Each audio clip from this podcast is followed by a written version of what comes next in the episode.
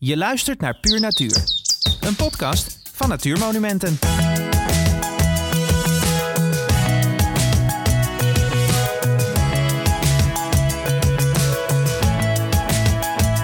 In deze eerste aflevering neemt redacteur Frans Boscher ons mee naar de Oude Buisse Heide.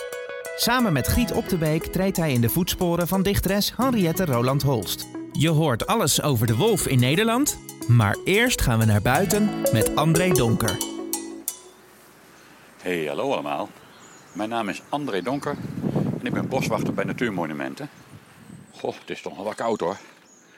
Min 6 nog even hier vanmorgen. Nou ja, je merkt toch dat het voorjaar eraan zit te komen. Of die winter nou wil wijken of niet. De vogels zijn toch volop aan het zingen, s morgens. Ondanks de kou. En ik zie ze ook met nestmateriaal slepen. Dus ik ga even het bos in. Zo, ik heb hier een klaphekje. En dan even kijken welke vogels al zijn begonnen. En normaal gesproken hoef, ik hier, hoef je natuurlijk helemaal niet zo nestkastjes in het bos op te hangen. Want er zijn broedgelegenheden zat. Maar dit is een heel jong bosje. Er zitten nog geen spechtengaten en zo. En geen spleten. Dus heb ik er een paar opgehangen. Nou, dit is er eentje voor de koolmees. En dan zie ik toch al even openmaken. Ja, die is toch al met zijn nestje begonnen. Oké, lekker laten zitten. Loop ik even verder. Ach, ik vind het zo leuk om winters dan, als het dan toch koud is, om even wat nestkastjes in elkaar te timmeren van wat resthout. En dan doe ik voor elke vogel wat. Net als hadden we een koolmees. En dan hier heb ik aan de boom eentje voor de boomklever. En dat is een houten kastje met tegen de stam aan een spleet. Dus geen rond gat aan de voorkant, maar tegen de stam aan. Maar die boomkruipers lopen altijd langs die stam. En dan kunnen ze zo hup, naar binnen toe. Maar even kijken, door het gat heen. Nee, die doet nog helemaal niks. Nou, loop ik door. Dan heb ik hier nog een kastje. Daar heb ik een plankje voor de vliegopening zitten. En dat komt eigenlijk, dat is een kastje, dat heb ik speciaal voor de bonte vliegenvanger opgehangen. En die komt pas laat terug uit het zuiden. Begint laat met broeden. En als je dan zo'n kastje niet, niet dicht maakt, dan zet er meteen een koolmees of een pimpelmees of weer wat anders in. En dan heeft hij geen plek. Dus pas als alles zit te broeden hier, haal ik de plankje weg. En heeft die bonte vliegenvanger ook een plekje. Kijk, en in dit bosje zit ook een dassenburg. Daar loop ik al bijna bij. En die dassen zijn ook leuk, want die komen met de kou helemaal niet uit. En echt verstoren, even zo overdag, doe je ze niet. Omdat ze diep in een warme nesten zitten. Even kijken of familie das ook aanwezig is. Even kijken. Hier sta ik bij het eerste gat. Ja, dan moet je je voorstellen. Dat gat is zo groot. Daar kun je zo een voetbal naar beneden rollen. En inderdaad, het is bewoond. En dat zie ik nu bij dat gat. Een beetje spinderig en een beetje kleine takjes die helemaal aangevroren zijn. Die warme dassen die ademen natuurlijk. En dat geeft veel warmte, maar er gaat ook veel vocht mee naar buiten. En dat bevriest. Dus ja, deze is zeker bewoond. Helemaal mooi bevroren, die rand. Even bij die andere kijken. Die andere pijp. Ja, daar zit wel een eentje verderop. Deze maken een enorm tunnelstelsel onder de grond door. Even kijken. Ja, ook hier. Helemaal die, die vocht helemaal bevroren. Even nog. Er zit nog een pijp. Zo noemen we dat dan, hè? een burcht met, met pijpen. Die pijpen gebruiken ze dan in een uitgang. En vaak zit er dan eentje op de avondzon. Want dassen zijn dan wel nachtdieren, maar ze houden er wel van om even nog in dat laatste zonlicht van de dag nog even te kunnen zonnen. kijk, dat is deze. Helemaal mooi op het westen. Ja, en ook die is helemaal aangeslagen. Ja, echt bewoond zeg. Hartstikke leuk. Nou, even hier nog kijken. Dan heb ik nog een nestkastje. Ja, daar zou je denken, wat een raar ding eigenlijk. Want dat voorplankje zit geen vliegopening in, maar dat is maar een half plankje. Maar even kijken. Ja, er zit ook al nestmateriaal in. Veel is het nog niet, maar het begint wel. Dat, eh, dat is een, uh, zo'n half plankje. Daar kunnen vogels een nestje maken. En daar gaan dan vogels in zitten die graag op de uitkijk uh, liggen. Zoals de merel bijvoorbeeld. Maakt een nestje tot boven aan het plankje. En dan kan die als ze zitten broeden lekker naar buiten kijken. Kijken of er ook vijanden aankomen. Nou, dit koude weer heeft de vogels wel een beetje doen afremmen. Maar goed, dat hoort er wel bij. Dus eigenlijk niks aan de hand. Maar ik zal even in mijn boekje kijken. die merel, even kijken. Vorig jaar had die merel toch het nestje al bijna klaar. En nu moet hij nog eigenlijk beginnen. Nou, ik schrijf het even op, want dat vind ik dan wel een aardig weetje. Zo, hoekje dicht. En de rits, oké. Nou, mocht je nou meer nieuws uit de natuur willen horen van me, dan kan natuurlijk heel goed via Twitter of Facebook. Gewoon André Donker. En dan krijg je dagelijks nieuwtjes te zien. Vaak met hem een fotootje erbij of zo. Nou, kijk maar. Bedankt voor het luisteren en graag tot ziens. De wolf is terug in Nederland. En daar krijgen we bij Natuurmonumenten veel vragen over. We gaan langs bij Jan Potkamp. Hij is boswachter in Nationaal Park Veluwe Zoom.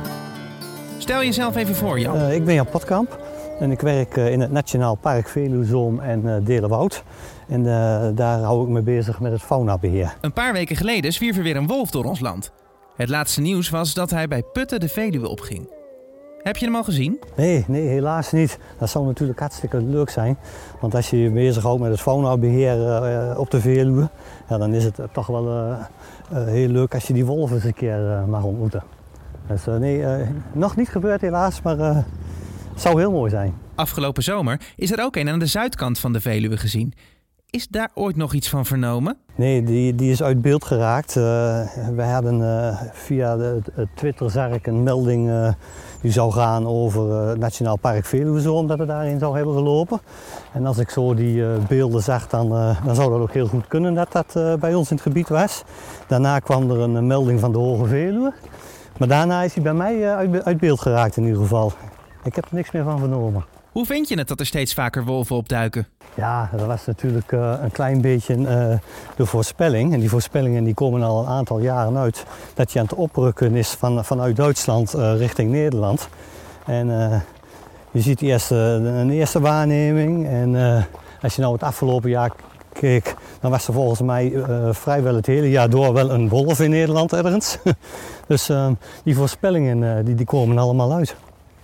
En ja, de, de, de, vraag is even wat de toekomst ons gaat bieden. Komt er hier een, een roedel zich definitief vestigen? De Veluwe is in principe een geschikt leefgebied met veel voedsel. Er zitten herten, zwijnen, hooglanders. Wat gaat er met het wild gebeuren als wolven zich definitief vestigen? Ja, dan moet je uiteindelijk, uiteindelijk is dat toch een beetje koffiedik kijken. Want we kunnen wel denken van nou, dan zal het wild zich wel anders gaan gedragen. Uh, maar het is allemaal afwachten. Uh, net zoals dat het afwachten is of die, want ik denk dan uh, gelijk aan heel veel mensen waarschijnlijk aan de Veluwe. Maar het is maar de vraag of die zich daar gaat vestigen. Misschien blijft hij wel in de, in de grensstreek hangen uh, en dan zit hij in een heel ander landschap als op de Veluwe. Maar in beide gevallen is hij wat mij betreft welkom. En Jan, kunnen we ze dan tijdens een wandeling of fietstocht ook tegenkomen? Wat moet je dan doen? Ja, dan, dan kun je ze zeker tegenkomen. En uh, dan moet je gewoon volgens mij verstandig handelen zoals je dat met alle wild eigenlijk wordt te doen. En dat is enige respect tonen en uh, afstand houden. En gewoon dat dier zijn gang laten gaan. En hem niet blokkeren uh, door foto's per se te willen maken of hem achtervolgen. En, en, en, gelijk aan alles en iedereen doorgeven waar dat dier loopt. Laat hem gewoon lekker met rust en geniet van je moment. Dus Welkom Wolf? Ja, absoluut. Welkom Wolf. Het zou een uh, verrijking zijn voor de Nederlandse natuur. En het zou uh, tevens bevestigen dat we hier toch nog uh, geschikt leefgebied hebben voor de wolf. Grote, robuuste natuurgebieden. En ja, dat, dat zou een kroon op het werk zijn. Dankjewel Jan. Heb je ook een vraag voor ons? Stel deze dan via podcast.natuurmonumenten.nl Ben je benieuwd naar het werkterrein van Jan Potkamp? Kijk op www.natuurmonumenten.nl voor de mooiste mountainbike, fiets- en wandelroutes in Nationaal Park Veluwe Zoom. Een heideliedje. Ik zing als het vogeltje in de mei, zo vrij, zo blij.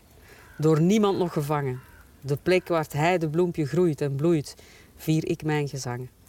De plek waar het kabbelend beekje vliet in triet en het lied de leeuwerik zich doet horen. Niets als het gegons ginds op de hei erbij de stilte komt verstoren. Daar slaap ik heerlijk en gerust, gesust, gekust, door zwoele zuidenwinden. Maar in het geraas der stad, daar is naar ik gis, geen rust voor mij te vinden. Nog enkele dagen slechts hoera, dan ga ik dra, scheiden van duin en weelde, en ga ik weer dromen op het mos in het bos en zwerven door de heide. Je hoorde het gedicht Heideliedje van Henriette Roland Holst. Voorgedragen door Griet Op de Beek. Griet schrijft dit jaar het Boekenweekgeschenk. Het thema van de Boekenweek is natuur. Een mooie aanleiding om een wandeling te maken in de voetsporen van een groot dichteres. Frans Boscher wandelt met haar over landgoed Oude Buisse Heide. Dit landgoed was eigendom van Henriette Roland Holst en ligt onder Roosendaal, tegen de Belgische grens aan. De dichteres en socialiste schonk haar landgoed in 1945 aan natuurmonumenten. Zij verbleef er zelf in de eerste helft van de vorige eeuw vaak in de zomer en nodigde er dan vrienden en grootkunstenaars uit, zoals dichter Herman Gorter, architect Hendrik Berlage en schilder Charlie Torop. Heeft Griet eigenlijk iets met de natuur? Je hoort het in het gesprek dat Frans met haar had. Welkom Griet. Wat vind je van het idee dat we hier in de voetsporen van een grote dichteres lopen? Ja, ik, ik loop al maar in voetsporen de laatste tijd. Als schrijver van het Boekenweekgeschenk uh, is dat al aan de hand natuurlijk. Ik was zo buitengewoon diep vereerd dat ik het geen mens kan uitleggen dat ik dat mocht doen. Na al die groten die mij waren voorgegaan en nu letterlijk wandelen in de voetsporen van grote dichters en aanverwante kunstenaars. Ik word er geweldig blij van. Je kreeg de eervolle opdracht om het Boekenweekgeschenk te schrijven, maar daar kreeg je het thema natuur meteen bij. Hoe ben je daarmee omgegaan? Niet. Je kan als schrijver echt niet je ook nog inhoudelijk laten sturen door zo'n vraag. Dat is een onmogelijke opdracht. Maar ik ben wel heel erg blij dat uh, Jan Terlouw de man is die het wel degelijk over natuur gaat hebben. Een essay is ook de juiste plaats om het daar vandaag over te hebben, denk ik. Omdat ik mij samen met hem geweldig zorgen maak over onze planeet. En iedereen die luidkeels roept dat het hoog tijd is voor maatregelen die vervolgens allemaal niet worden genomen. Of toch veel te weinig aan het traag tempo. Dus ik ben heel blij dat daar aandacht voor is. Maar in mijn eigen boekje heb ik daar uh, eerlijkheidshalve toegegeven weinig mee gedaan.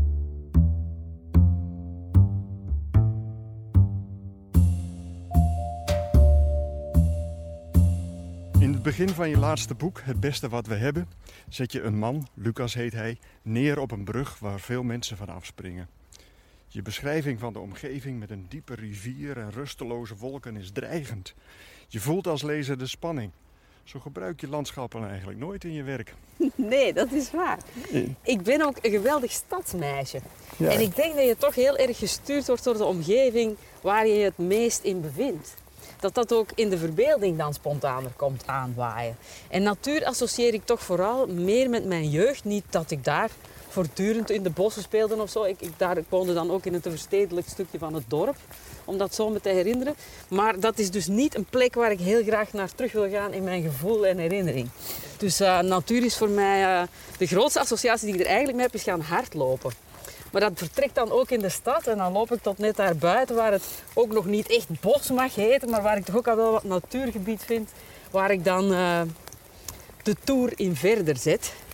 En dat is wel een blij herinnering, dus ik vind het allemaal geweldig prachtig. Maar ik hou toch nog altijd net iets meer van de stad. Het spijt me dat ik dat moet bekennen. Ja. Kijk, als je nu een volgende roman van mij veel meer natuur vindt, dan heb jij er iets mee te maken. nee, het is waar. Je kan er natuurlijk van alles mee. Er zit een, een, hoop drama in de, in de natuur. Maar ik denk dat het misschien ook een beetje een terughoudendheid is van mijn kant. Omdat ik er echt niet zoveel van af weet. Ik kan zo rondlopen met mijn neefje en die is heel erg gefascineerd door dieren en vogels. En die kan me dus van alles wat komt aanvliegen een heel verhaal vertellen. Ik vind het prachtig dat hij dat kan. Hij is nog heel, heel klein. En zelf heb ik die kennis allemaal niet. Dus dan hou je je toch wat makkelijker daar wat van af, denk ik. Het is ook een vorm van bescheidenheid tegenover de grootste woeste wilde natuur die zich aan ons uh, openbaart. Nou, we lopen hier door een, uh, een stuk bos. Uh, dat is, is aangeplant voor de productie van, van hout. Ehm, dit, is, dit zijn naaldbomen die gebruikt werden onder andere in de mijnen om, om de mijnen te stutten. Is dit nou een type natuur waar, eh, wat jou erg aanspreekt? Ja, dit lijkt wel een beetje op de natuur zoals die ook bestond in mijn geboortestreek. Wat dus niet meteen de allerfijnste gevoelens in mij wakker maakt, moet ik toegeven. Maar als ik daar abstractie van probeer te maken, wat ik voor de gelegenheid natuurlijk wil doen, ja, dan moet ik erkennen dat dat allemaal geweldig mooi is. Bomen, dat is, en hoe ouder ze zijn, hoe meer ze nog tot de verbeelding spreken. Maar wat ik hier ook heel erg mooi vind, zijn al die gevelde takken en bomen.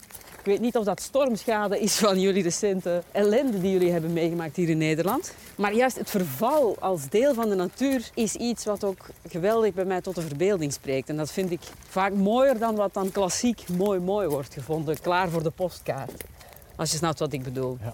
En ja, kijk, zo dit soort dreefjes en zo, ja, dat vind ik totaal prachtig. Het eh, is van een heerlijke verstilde melancholie. Dat is heel erg mooi. Ik vertelde net al over de maten die we hier aan beide kanten van, eh, van het pad zien. Die, eh, die, die staan 's winters eh, nou, bijna geheel onder water. In het voorjaar, ja, in het late voorjaar, er zijn dit bloemenzeeën. En het zorgt wel voor mooie afwisseling in, in het landschap. Hè? Ja. Nee, het is natuurlijk prachtig, hè? Dus ook die associatie met dat, met dat verleden, daar heeft verder helemaal niemand boodschap aan. Maar als je me dan die vraag stelt van dit soort natuur, vind je dat het mooist? Als ik bijvoorbeeld in het buitenland ben en het is natuur die ik helemaal niet ken, daar zal ik dan makkelijker naartoe gaan. Ik ben een tijdje geleden heb ik in Canada gezeten bijvoorbeeld. Waar je dan die heerlijke afwisseling hebt tussen prachtige steden vol zalige musea. En dan eh, meteen daarna vind je de meest prachtige streken met de meest woeste natuur. En daar word ik dan heel blij van, met de kano, door het water, langs dat soort verstilde, prachtige landschappen. Ja. En dat was even mijn spontane gedachte toen je me die vraag stelde. Maar het is hier uh, buitengewoon mooi. Ik wou dat het achter mijn hoek was. Dan kwam ik hier hardlopen. Want, want wilde natuur, zoals je die in Canada dus eh, hebt er- ervaren, dat, heeft, dat is wel de natuur waar jij het, het liefst bent. Ja, dat, dat, vind, dat spreekt heel erg tot mijn verbeelding. Juist omdat je dat niet elke dag ziet of niet van heel dichtbij kent. Zo werkt het hoofd dan toch een beetje, denk ik. Dat de fascinatie voor het onbekende altijd nog dat tikje groter is dan voor de dingen die je al van kleins af iets meer gewend bent om te zien. Niet? Is dat bij jou niet zo? Ja. Maar ik, ik hou dus ook echt van, eh, vooral van ruige natuur, inderdaad. Van natuur waar de mens eh, de zaak nog niet naar zijn hand heeft gezet. Ja, dat is toch fascinerend in Canada. Dat je ergens vreest en hoopt dat je een beer tegenkomt. Ja, Die vreemde combinatie van, Ja, van het dat- gevaar dat is wel- willen en het natuurlijk... dat is wel heel Vrezen. spannend hoor, om een beer tegen te komen. heb je als een beer... Ja, ik heb, Echt ja, ja, ja. Je bent al een beer tegengekomen. Dat is Ja. wel spannend. En toen? Eh, toen ben ik blij. Nou, ik, dat is wel een mooie anekdote. Ik, was, ik liep met mijn dochter in een eh, na- natuurpark in, eh, in het westen van, van de Verenigde Staten, Californië. En, ehm, en ik was daar foto's aan het maken van een, van een open plek met heel veel eh fraaie bloemen. En ik was een beetje dat, dat veld ingelopen, dat was vrij hoog. En ik was helemaal geconcentreerd op die bloemen. En mijn dochter zegt ineens achter me: Papa, daar staat een beer! op nog geen 50 meter voor Ja, jij, om, om, omwille van die enorme focus op die foto's had je dat niet eens gezien. En die stond stil, die beer. Ja. En toen? En die stond zo een beetje net, net boven de, ook de bloemen uit en die, eh, die, die keek naar ons. En ik had wel zoiets, ho, het is nu wel even, eh, even kalm aan. En, en Ja. mijn dochter meteen achter me gezet en niet meer bewegen. En ik me rustig afwachten wat die beer vervolgens ging. Nou, die kuierde weer weg en dan waren we weer veilig. Ja, naar het schijnt, als er een beer op je afkomt, moet je niet meer stil blijven staan. hè. Dan moet je je net zo groot mogelijk maken. En Eerst, dat heb ik toen in Canada gelezen. oh ja, In een van die waarschuwingsbrochures. nou, dat Voor gaat als het, als het einde nabij was. Dat zal- Nee, maar dat is trouwens niet tegen elke logica. Elke logica zegt stil blijven staan. En Ja. zolang hij ver genoeg is en zelf niks doet, is dat inderdaad het beste, stond er in die, in die brochures. Ja, Maar ehm, ik dacht dan altijd, als ik met mijn meter 61 mij groot moet maken, als het daarvan af moet hangen of het overleeft, dan ziet het er niet zo goed uit. Ja. En dus toen is hij gewoon weggegaan, die beer? ja, ja. Beren zijn niet per se eh, agressief tegen mensen. En, eh, dus als je ze met rust laat en niet aan hun jongen komt. Vooral als, vooral als, je aan een jong, eh, als ze het gevoel hebben dat hun jongen bedreigd worden, dan, eh, dan zijn ze vreselijk agressief. Ja. Maar anders niet. Dan valt het best mee hoor. En heb je er nog een foto van genomen? Zo'n Ja. stipje in de verte om te bewijzen dat het waar is? Ja. Ja, Toch een goed verhaal. ja. Ja, dat gaan we hier niet meemaken. Beren zeker niet. Nee. nee, misschien dat we nog een Er is nu weer een wolf gesignaleerd. Er zijn terug... Een wolf heb ik in de ja, krant gelezen. Die, die, die kuiert nu ergens in Vlaanderen rond. Ja, Dus, eh, ook bijzonder.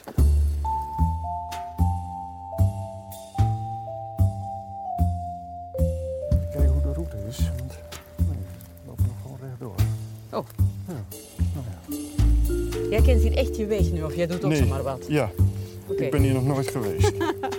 Maar je hebt een soort intuïtief ontwikkeld talent om niet te verdwalen op dit soort plekken. Oh ja, nee, dat, dat, dat, in Nederland verdwaal je nergens. dat is onmogelijk. Ja, niet tot de hongerdood erop volgt, maar je kan toch best wel verdwalen, neem ik aan. Ah, je kunt de weg even kwijt zijn. Maar als je gewoon rechtdoor loopt, dan binnen de kortste keren loop je Dan weer vind je toch ergens een weg. wat, waar- die je weer op de goede plek brengt. Dat is, eh, Ja. Ik heb altijd totaal irrationele angst van verdwalen. Allee, als ik in dit soort gebieden ga rondlopen, hè, dan probeer Ja. ik altijd echt heel keurig de heenweg en de terugweg precies hetzelfde te doen. Oh ja. heel, heel truttig eigenlijk. Ik kwam nog een eh, bijzondere verband tussen Henriette Roland Holst en jou eh, tegen. Dat is even een wat zwaarder onderwerp, maar ik vind dat we het er toch even aan moeten snijden. Oké, ik zet me schrap. Ja, ik kwam namelijk tegen dat, dat eh, Henriette eh, leed aan, eh, aan depressies en ook aanvallen van anorexia heeft gehad. En hier op het landgoed altijd haar rust weer vond. Oh, Nou ja, dat is, dat is iets wat ik ook eh, bij jou ben tegengekomen. nee, depressies niet, hè? dat is een misverstand. Nee, ik vind, je mag niet te snel zeggen dat je depressief bent als je je niet goed voelt. Dat is echt niet hetzelfde. Nee, En dat zeg ik uit respect voor alle mensen die depressies hebben doorleefd. ja. Ik ken mensen die echt tegen mij gezegd hebben: Nou, ik heb een depressie en kanker gehad, dus ik moet kiezen eentje van de twee opnieuw, dan kies ik voor de kanker. En dat niet als grap, hè? dat was echt ernstig bedoeld. Dus ik, ik, eh, ik wil dat zeker niet minimaliseren. Als je een depressie hebt, dan kan je je bed niet meer uit en dan is er nergens nog vreugde te vinden. ja. En dat is iets wat ik echt nooit heb gehad. Hoe, hoe donker het ook geweest, hoe diep ik ook heb gezeten.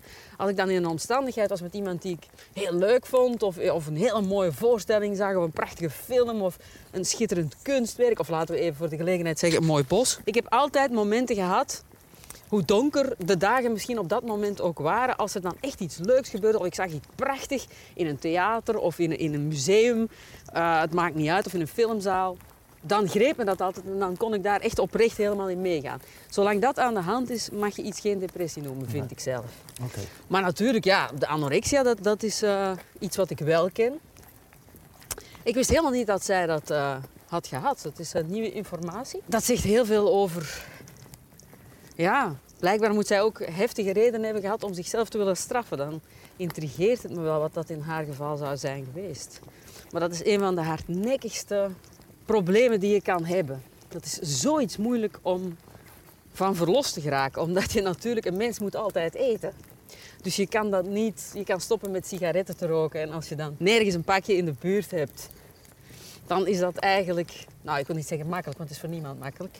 Maar je kan het een beetje organiseren dat je niet constant daarmee geconfronteerd wordt. Iemand met een eetstoornis wordt daar elke dag opnieuw mee geconfronteerd. En moet elke dag opnieuw proberen de keuze maken om het beter en anders te doen. En ik moet echt zeggen, dat is iets... eh, Ja, dat is een heftige om eh, mee te dealen in het leven. Ja. En ik merk dat ik daar blijvend voor moet oppassen. Dat als het, eh, als het lastig wordt, als eh grote emotie mij overspoelt, is dat eigenlijk nog altijd de spontaanste neiging. Om het in die richting niet op te lossen, want dat is natuurlijk totaal geen oplossing. Maar het geeft een soort illusie van controle. Die als je heel erg overspoeld wordt door iets, je lijkt te ontglippen. Dus eh, het is een gevaarlijk. Is hij er ooit van afgeraakt of is het een Nee, soort... dat, dat, dat, voor zover ik heb, dat heb kunnen nagaan niet. Nee. Eh, maar wa- wa- wat, wat haar wel heeft, altijd heeft geholpen is, eh, is het verblijf hier op, eh, op het landgoed. Ja. Fijn En voor is het, haar. is, het, is het voor jou ook iets om, om de natuur op te zoeken? En, Nee. nee. Nee, dat zou bij mij net omgekeerd werken. Omdat ja, ik vind toch, de natuur beklemtoont heel erg de alleenigheid en de eenzaamheid der dingen. En dat is dan net iets wat mij helemaal niet helpt. Als ik, als ik het lastig heb of zo. Dat, van het moment dat je alleen bent, ja, dan zijn alle gedachten daar. En, en die kan je dan ook niet zomaar stilleggen. Er is ook niemand die je daar eens even van afleidt of zo. Dus juist zo te midden van al de grootste eeuwigheid zeggen van oh en daar laat ik mezelf dan weer op. Nou, ik heb het nooit effectief geprobeerd, dus in die zin mag ik het niet met 100% zekerheid zeggen, maar intuïtief krijg ik niet meteen het gevoel, oh dat, eh, dat is een goeie. Ja. Om, om aan te raden aan mensen die er nog niet vanaf zijn. Maar wel fijn dat het voor haar, eender wat je vindt op zo'n momenten waarvan je denkt dit doet mij goed, dat moet je keihard vastpakken. Dus fijn voor haar dat ze zo'n prachtig domein had waar ze dan naartoe kon. En is het voor jou dan eh, het hardlopen wat je helpt? Ja, dat is toch echt wel een, een belangrijk ding geworden. Want ik doe het nu nog maar twee jaar. Vroeger ik deed dat van alles en ik werd alle sport, ik werd allemaal helemaal beu meteen eigenlijk. Na een half jaar had ik het alweer gehad. Uh, want ik vond niks leuk. Ik deed het allemaal omdat het moest, omdat het dan goed is voor je lijf of zo. En dat lopen is eigenlijk het eerste waarvan ik reëel merk dat dat een heel weldadige invloed heeft op mijn mentale welzijn. Je kan echt uh, na de ellendigste nachtmerrie met het vreselijkste gevoel opstaan. En als ik dan twee uur heb gelopen, te midden van het niks, en ik kom terug, zelfs als ik helemaal geen zin had om te vertrekken, dan voel ik me altijd beter. Dus dat is toch, uh, ja, dat is iets heel bijzonders, vind ik. En maar je zei net al, dan ga je ook echt de, de stad uit. Nou ja, dat niet, is ook niet relatief. se de natuur, maar wel iets, een, een groene omgeving in. Ik woon echt in het centrum van de stad, dus ja, en ik loop wel twee uur, maar ook niet langer dan twee uur. Ik doe niet marathons of zo. Dat is helemaal niet goed voor een lijf, heb ik me laten vertellen. Niet als je mijn gezegende leeftijd hebt bereikt, toch niet. Dus, um, dus het, is, het is beperkt, de mate waarin ik buiten kan. Maar, maar het eindpunt, dan ben ik inderdaad, dan heb ik rechts water, links bossen. En dan is er zelfs een natuurgebied waar ik dan ook altijd een ronde doorheen maak en dan zo verder. Dus dat is het, het, bij mij, het, dat het dichtst bij natuur komt qua beleving. Maar dat heb ik dus toch vijf keer in de week. Dus dat is toch weer niet zo slecht Nee. voor een stadsmeisje. Maar of dan die natuur met de weldaad iets te maken heeft, ik weet het niet. Ik vind het dan wel heel prettig, ja. Om naar mooie dingen te kunnen kijken en vogels te zien aanvliegen en water te zien ruisen in de wind. Ja. Ik dus nog, volgens mij zijn we ergens van de route afgeraakt. Nee, even de weg kwijt heet dat. Maar goed, Kijk, maar daar staat de auto, daar, daarom de dus auto staat daar. zin ben ik gerustgesteld. eh. Dus eh, ik denk dat we gewoon nog maar even een eh, stukje die kant oplopen, want ik wou nog even naar, eh, richting rhododendrons.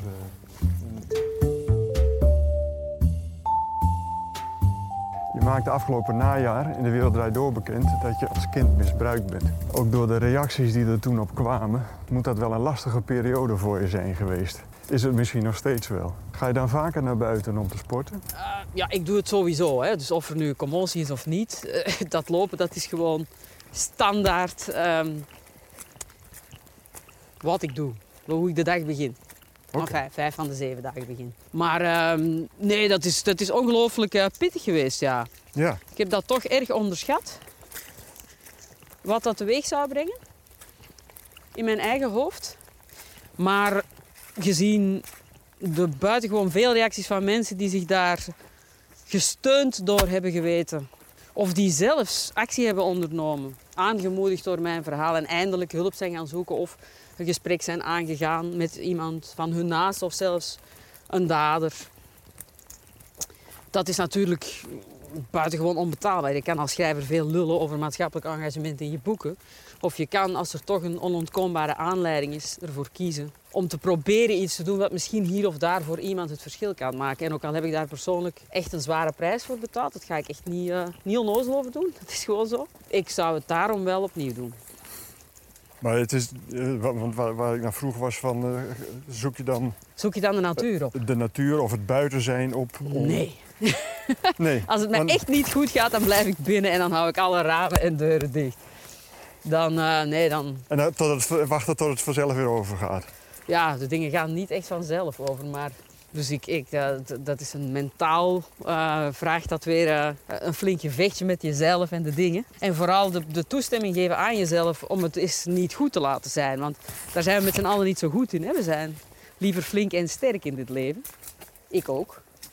Maar dat heb ik wel geleerd. Dat um, durven de emotie te laten zijn die nu eenmaal is, dat dat een mens verder weet te brengen op verloop van, na verloop van tijd. En ja, dat hardlopen ben ik dan sowieso wel blijven doen. Wat natuurlijk buiten is, maar dat, dat heeft een anonimiteit. Liefst in de winter, dan uh, heb ik ook nog een soort lelijke muts op en dan ben ik lekker gehuld en dan, denk ik, dan voel ik me ongezien. En dat, uh, dat maakt het naar buiten gaan dan zelfs op heftige momenten wel mogelijk. En is het dan zelfs nog een beetje heilzaam? Dat buiten, ja, ik, ik zou nooit op een loopband kunnen lopen. Dat vind ik echt onzin. Dus het is wel degelijk inderdaad het, het gevecht met de elementen. En als het koud is, is het koud en als het regent, regent het. En je gaat gewoon sowieso. Dat is zeker een deel ervan. Ik, ik begrijp dat fitness centraal loopgedoe, daar begrijp ik niks van. Dat vind ik vreselijk.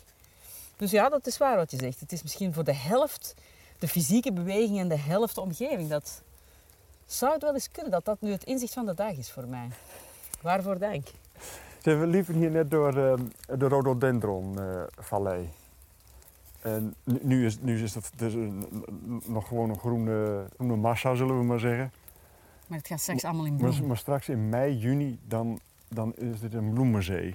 Oh. Hè, Grote bloemen, rhododendrons, Ja, eh, ken- felle kleuren, roze, paars, geel. Nou ja, we, hebben eh, op de weilanden zie je hier dan eh, de, de, de pinksterbloemen, de orchideeën, eh, noem het allemaal maar op. In de bosranden, bosanemonen, speenkruid. Speenkruid. Het klinkt minder mooi dan de andere, maar dat ligt aan mij. Een mooi geel bloemetje. Ja. Hebben bloemen betekenis voor jou? Vervelend dat ik nu moet zeggen, eigenlijk niet. Nee.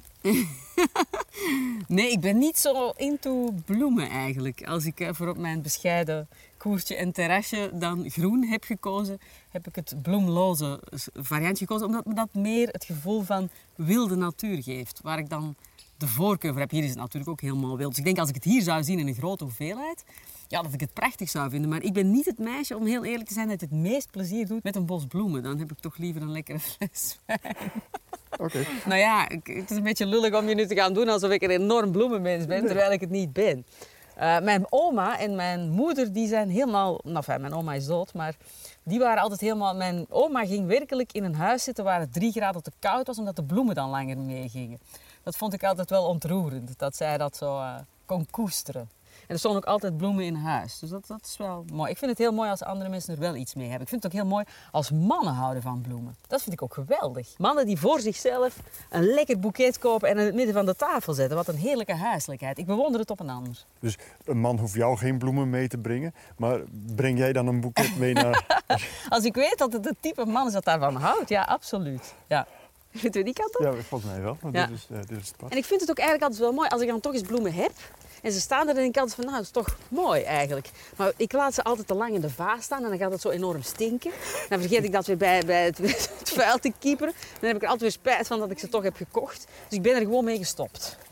Ik heb ook echt geen groene vingers. Ik krijg alles dood. Alle planten die ik ooit heb gehad.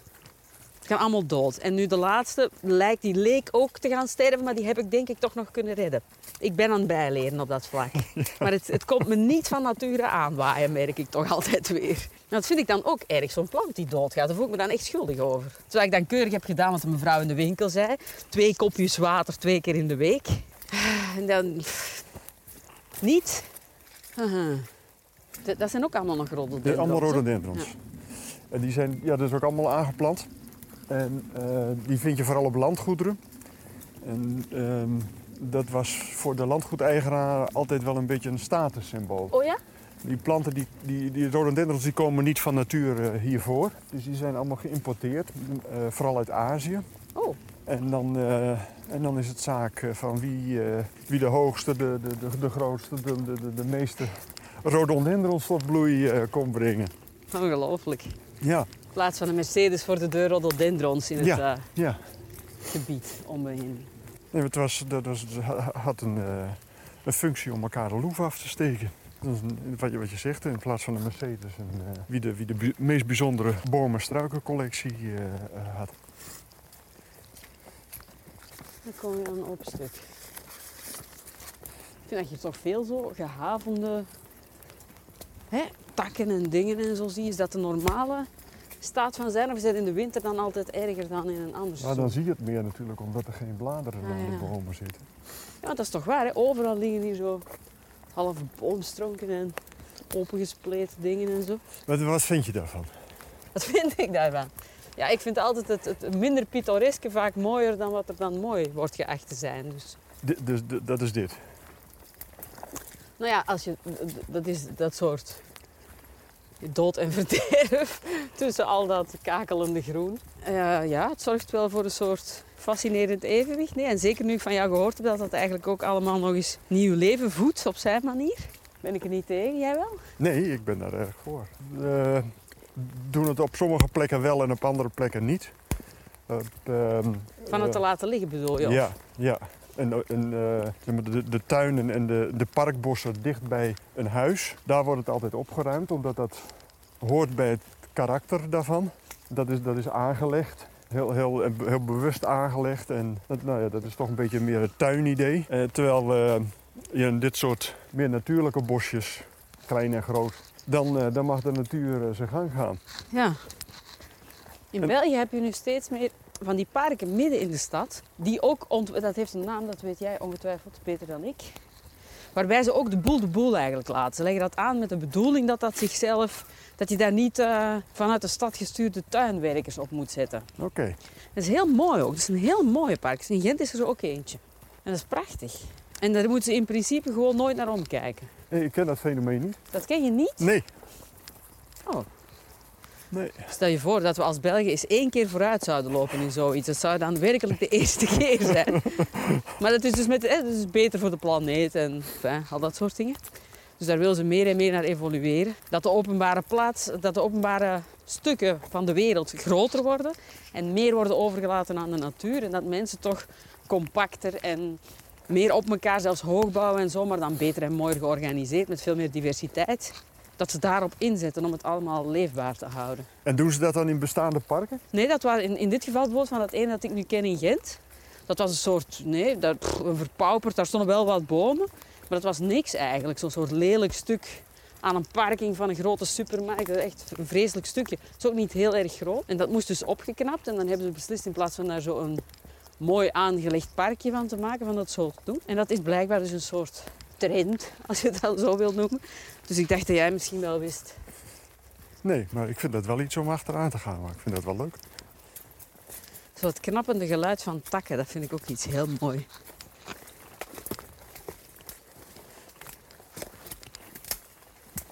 Nou, dan zijn we bijna aan het eind van de wandeling.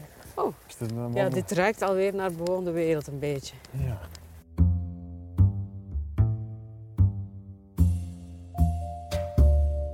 En er zat Roland Holst en ook een man. Een man die had, zat in het atelier daarachter. En, en, en Henriette die zat er hier in Agorahoeve eh aan haar gedichten te werken. Kun jij je voorstellen dat je op zo'n plek eh, je, je boeken kunt schrijven? Ja, in het gezelschap van een grote liefde kan ik me dat wel voorstellen. In een eentje, nee. Je hebt zo van die heerlijke formules en dat heet dan schrijversresidenties. En dan ga je ergens in the middle of nowhere, ergens afgezonderd van alles wat leeft en ademt, ga je dan in een of andere hut of huis of kamer zitten schrijven. Nou, ik word echt depressief bij de gedachte. Het woord mag ik niet snel gebruiken, heb ik er straks zelf gezegd. Ja. Maar toch droefgeestig, laat ik zeggen, bij de gedachte. Omdat als ik uren geschreven heb, dat is toch een alleenige bezigheid. Wat ook weer relatief is, want je bent in dat verhaal en bij die mensen eigenlijk. Maar als het dan klaar is, heb ik net behoefte aan leven en actie en mensen en praten. Niet altijd, maar toch vaak. Dus het idee dat ik ergens, ik zeg maar iets, zes weken zou moeten zitten en na dat schrijven klaar zijn en dan in mijn eentje in de bossen gaan wandelen, dat komt niet goed in mijn geval. Dus voorlopig ja, Dat komt niet goed. doe ik wat, zulke dingen niet. wat gebeurt er dan met je? Nee, dat komt mijn algehele stemming niet ten goede. En dat komt dan ongetwijfeld ook weer dat boek niet ten goede. Dus dat, dat doe ik mezelf niet aan. Het leven is al lastig genoeg zonder extra zelf opgelegde hindernissen, vind ik. En mij afzonderen in de natuur voor een langere periode zou ongetwijfeld dat effect hebben. En nu zit je een dag te schrijven en ga je aan het eind van de dag de stad in. Ja, bijvoorbeeld, dat hoeft daarom. Het kan zelfs maar even zijn, maar gewoon ik, ik- als ik mijn deur open doe, dan zit ik meteen tussen de mensen en dan hoor ik bij elk tochtje door de stad minstens een taal of drie, vier. Dat vind ik heel prettig. En kun je dit de mensen aanraden om hier wandelingen hier te gaan maken? Ja, absoluut. Mensen die houden van eh, lekker doorbanjeren in een prachtige omgeving met hier en daar dan nog de culturele meerwaarde. Die moeten massaal hier naartoe komen.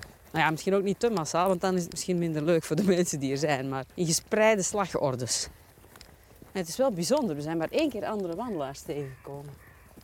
Op de hele tocht. Dus voor wie nood heeft aan gevoelens van isolement en verlatenheid, één adres. Nou, dankjewel. Je hoorde Frans Boscher in gesprek met Griet Op de Beek. Zij schreef dit jaar het Boekenweekgeschenk Gezien de Feiten. De Boekenweek duurt van 10 tot en met 18 maart. Bij besteding van 12,50 euro aan boeken krijg je in de boekhandel het Boekenweekgeschenk cadeau. Wil je hier zelf ook eens wandelen of ben je benieuwd naar een van de meer dan 300 andere wandelroutes in onze gebieden? Kijk dan op natuurmonumenten.nl. Ik krijg de stilte weder lief. Ik heb de stilte weder lief gewonnen. Een korte poos was ik van haar vervreemd, maar nu heb ik haar opnieuw lief gewonnen. Ik mag weer drinken aan haar klare bronnen en zwerven door haar schaduwbeent. Weer gaan haar droomlanden voor mij open. Waar bloeit het kruid van de herinnering? Door haar zachte geuren omdropen, weet ik weer nauwelijks hoe de tijd verging.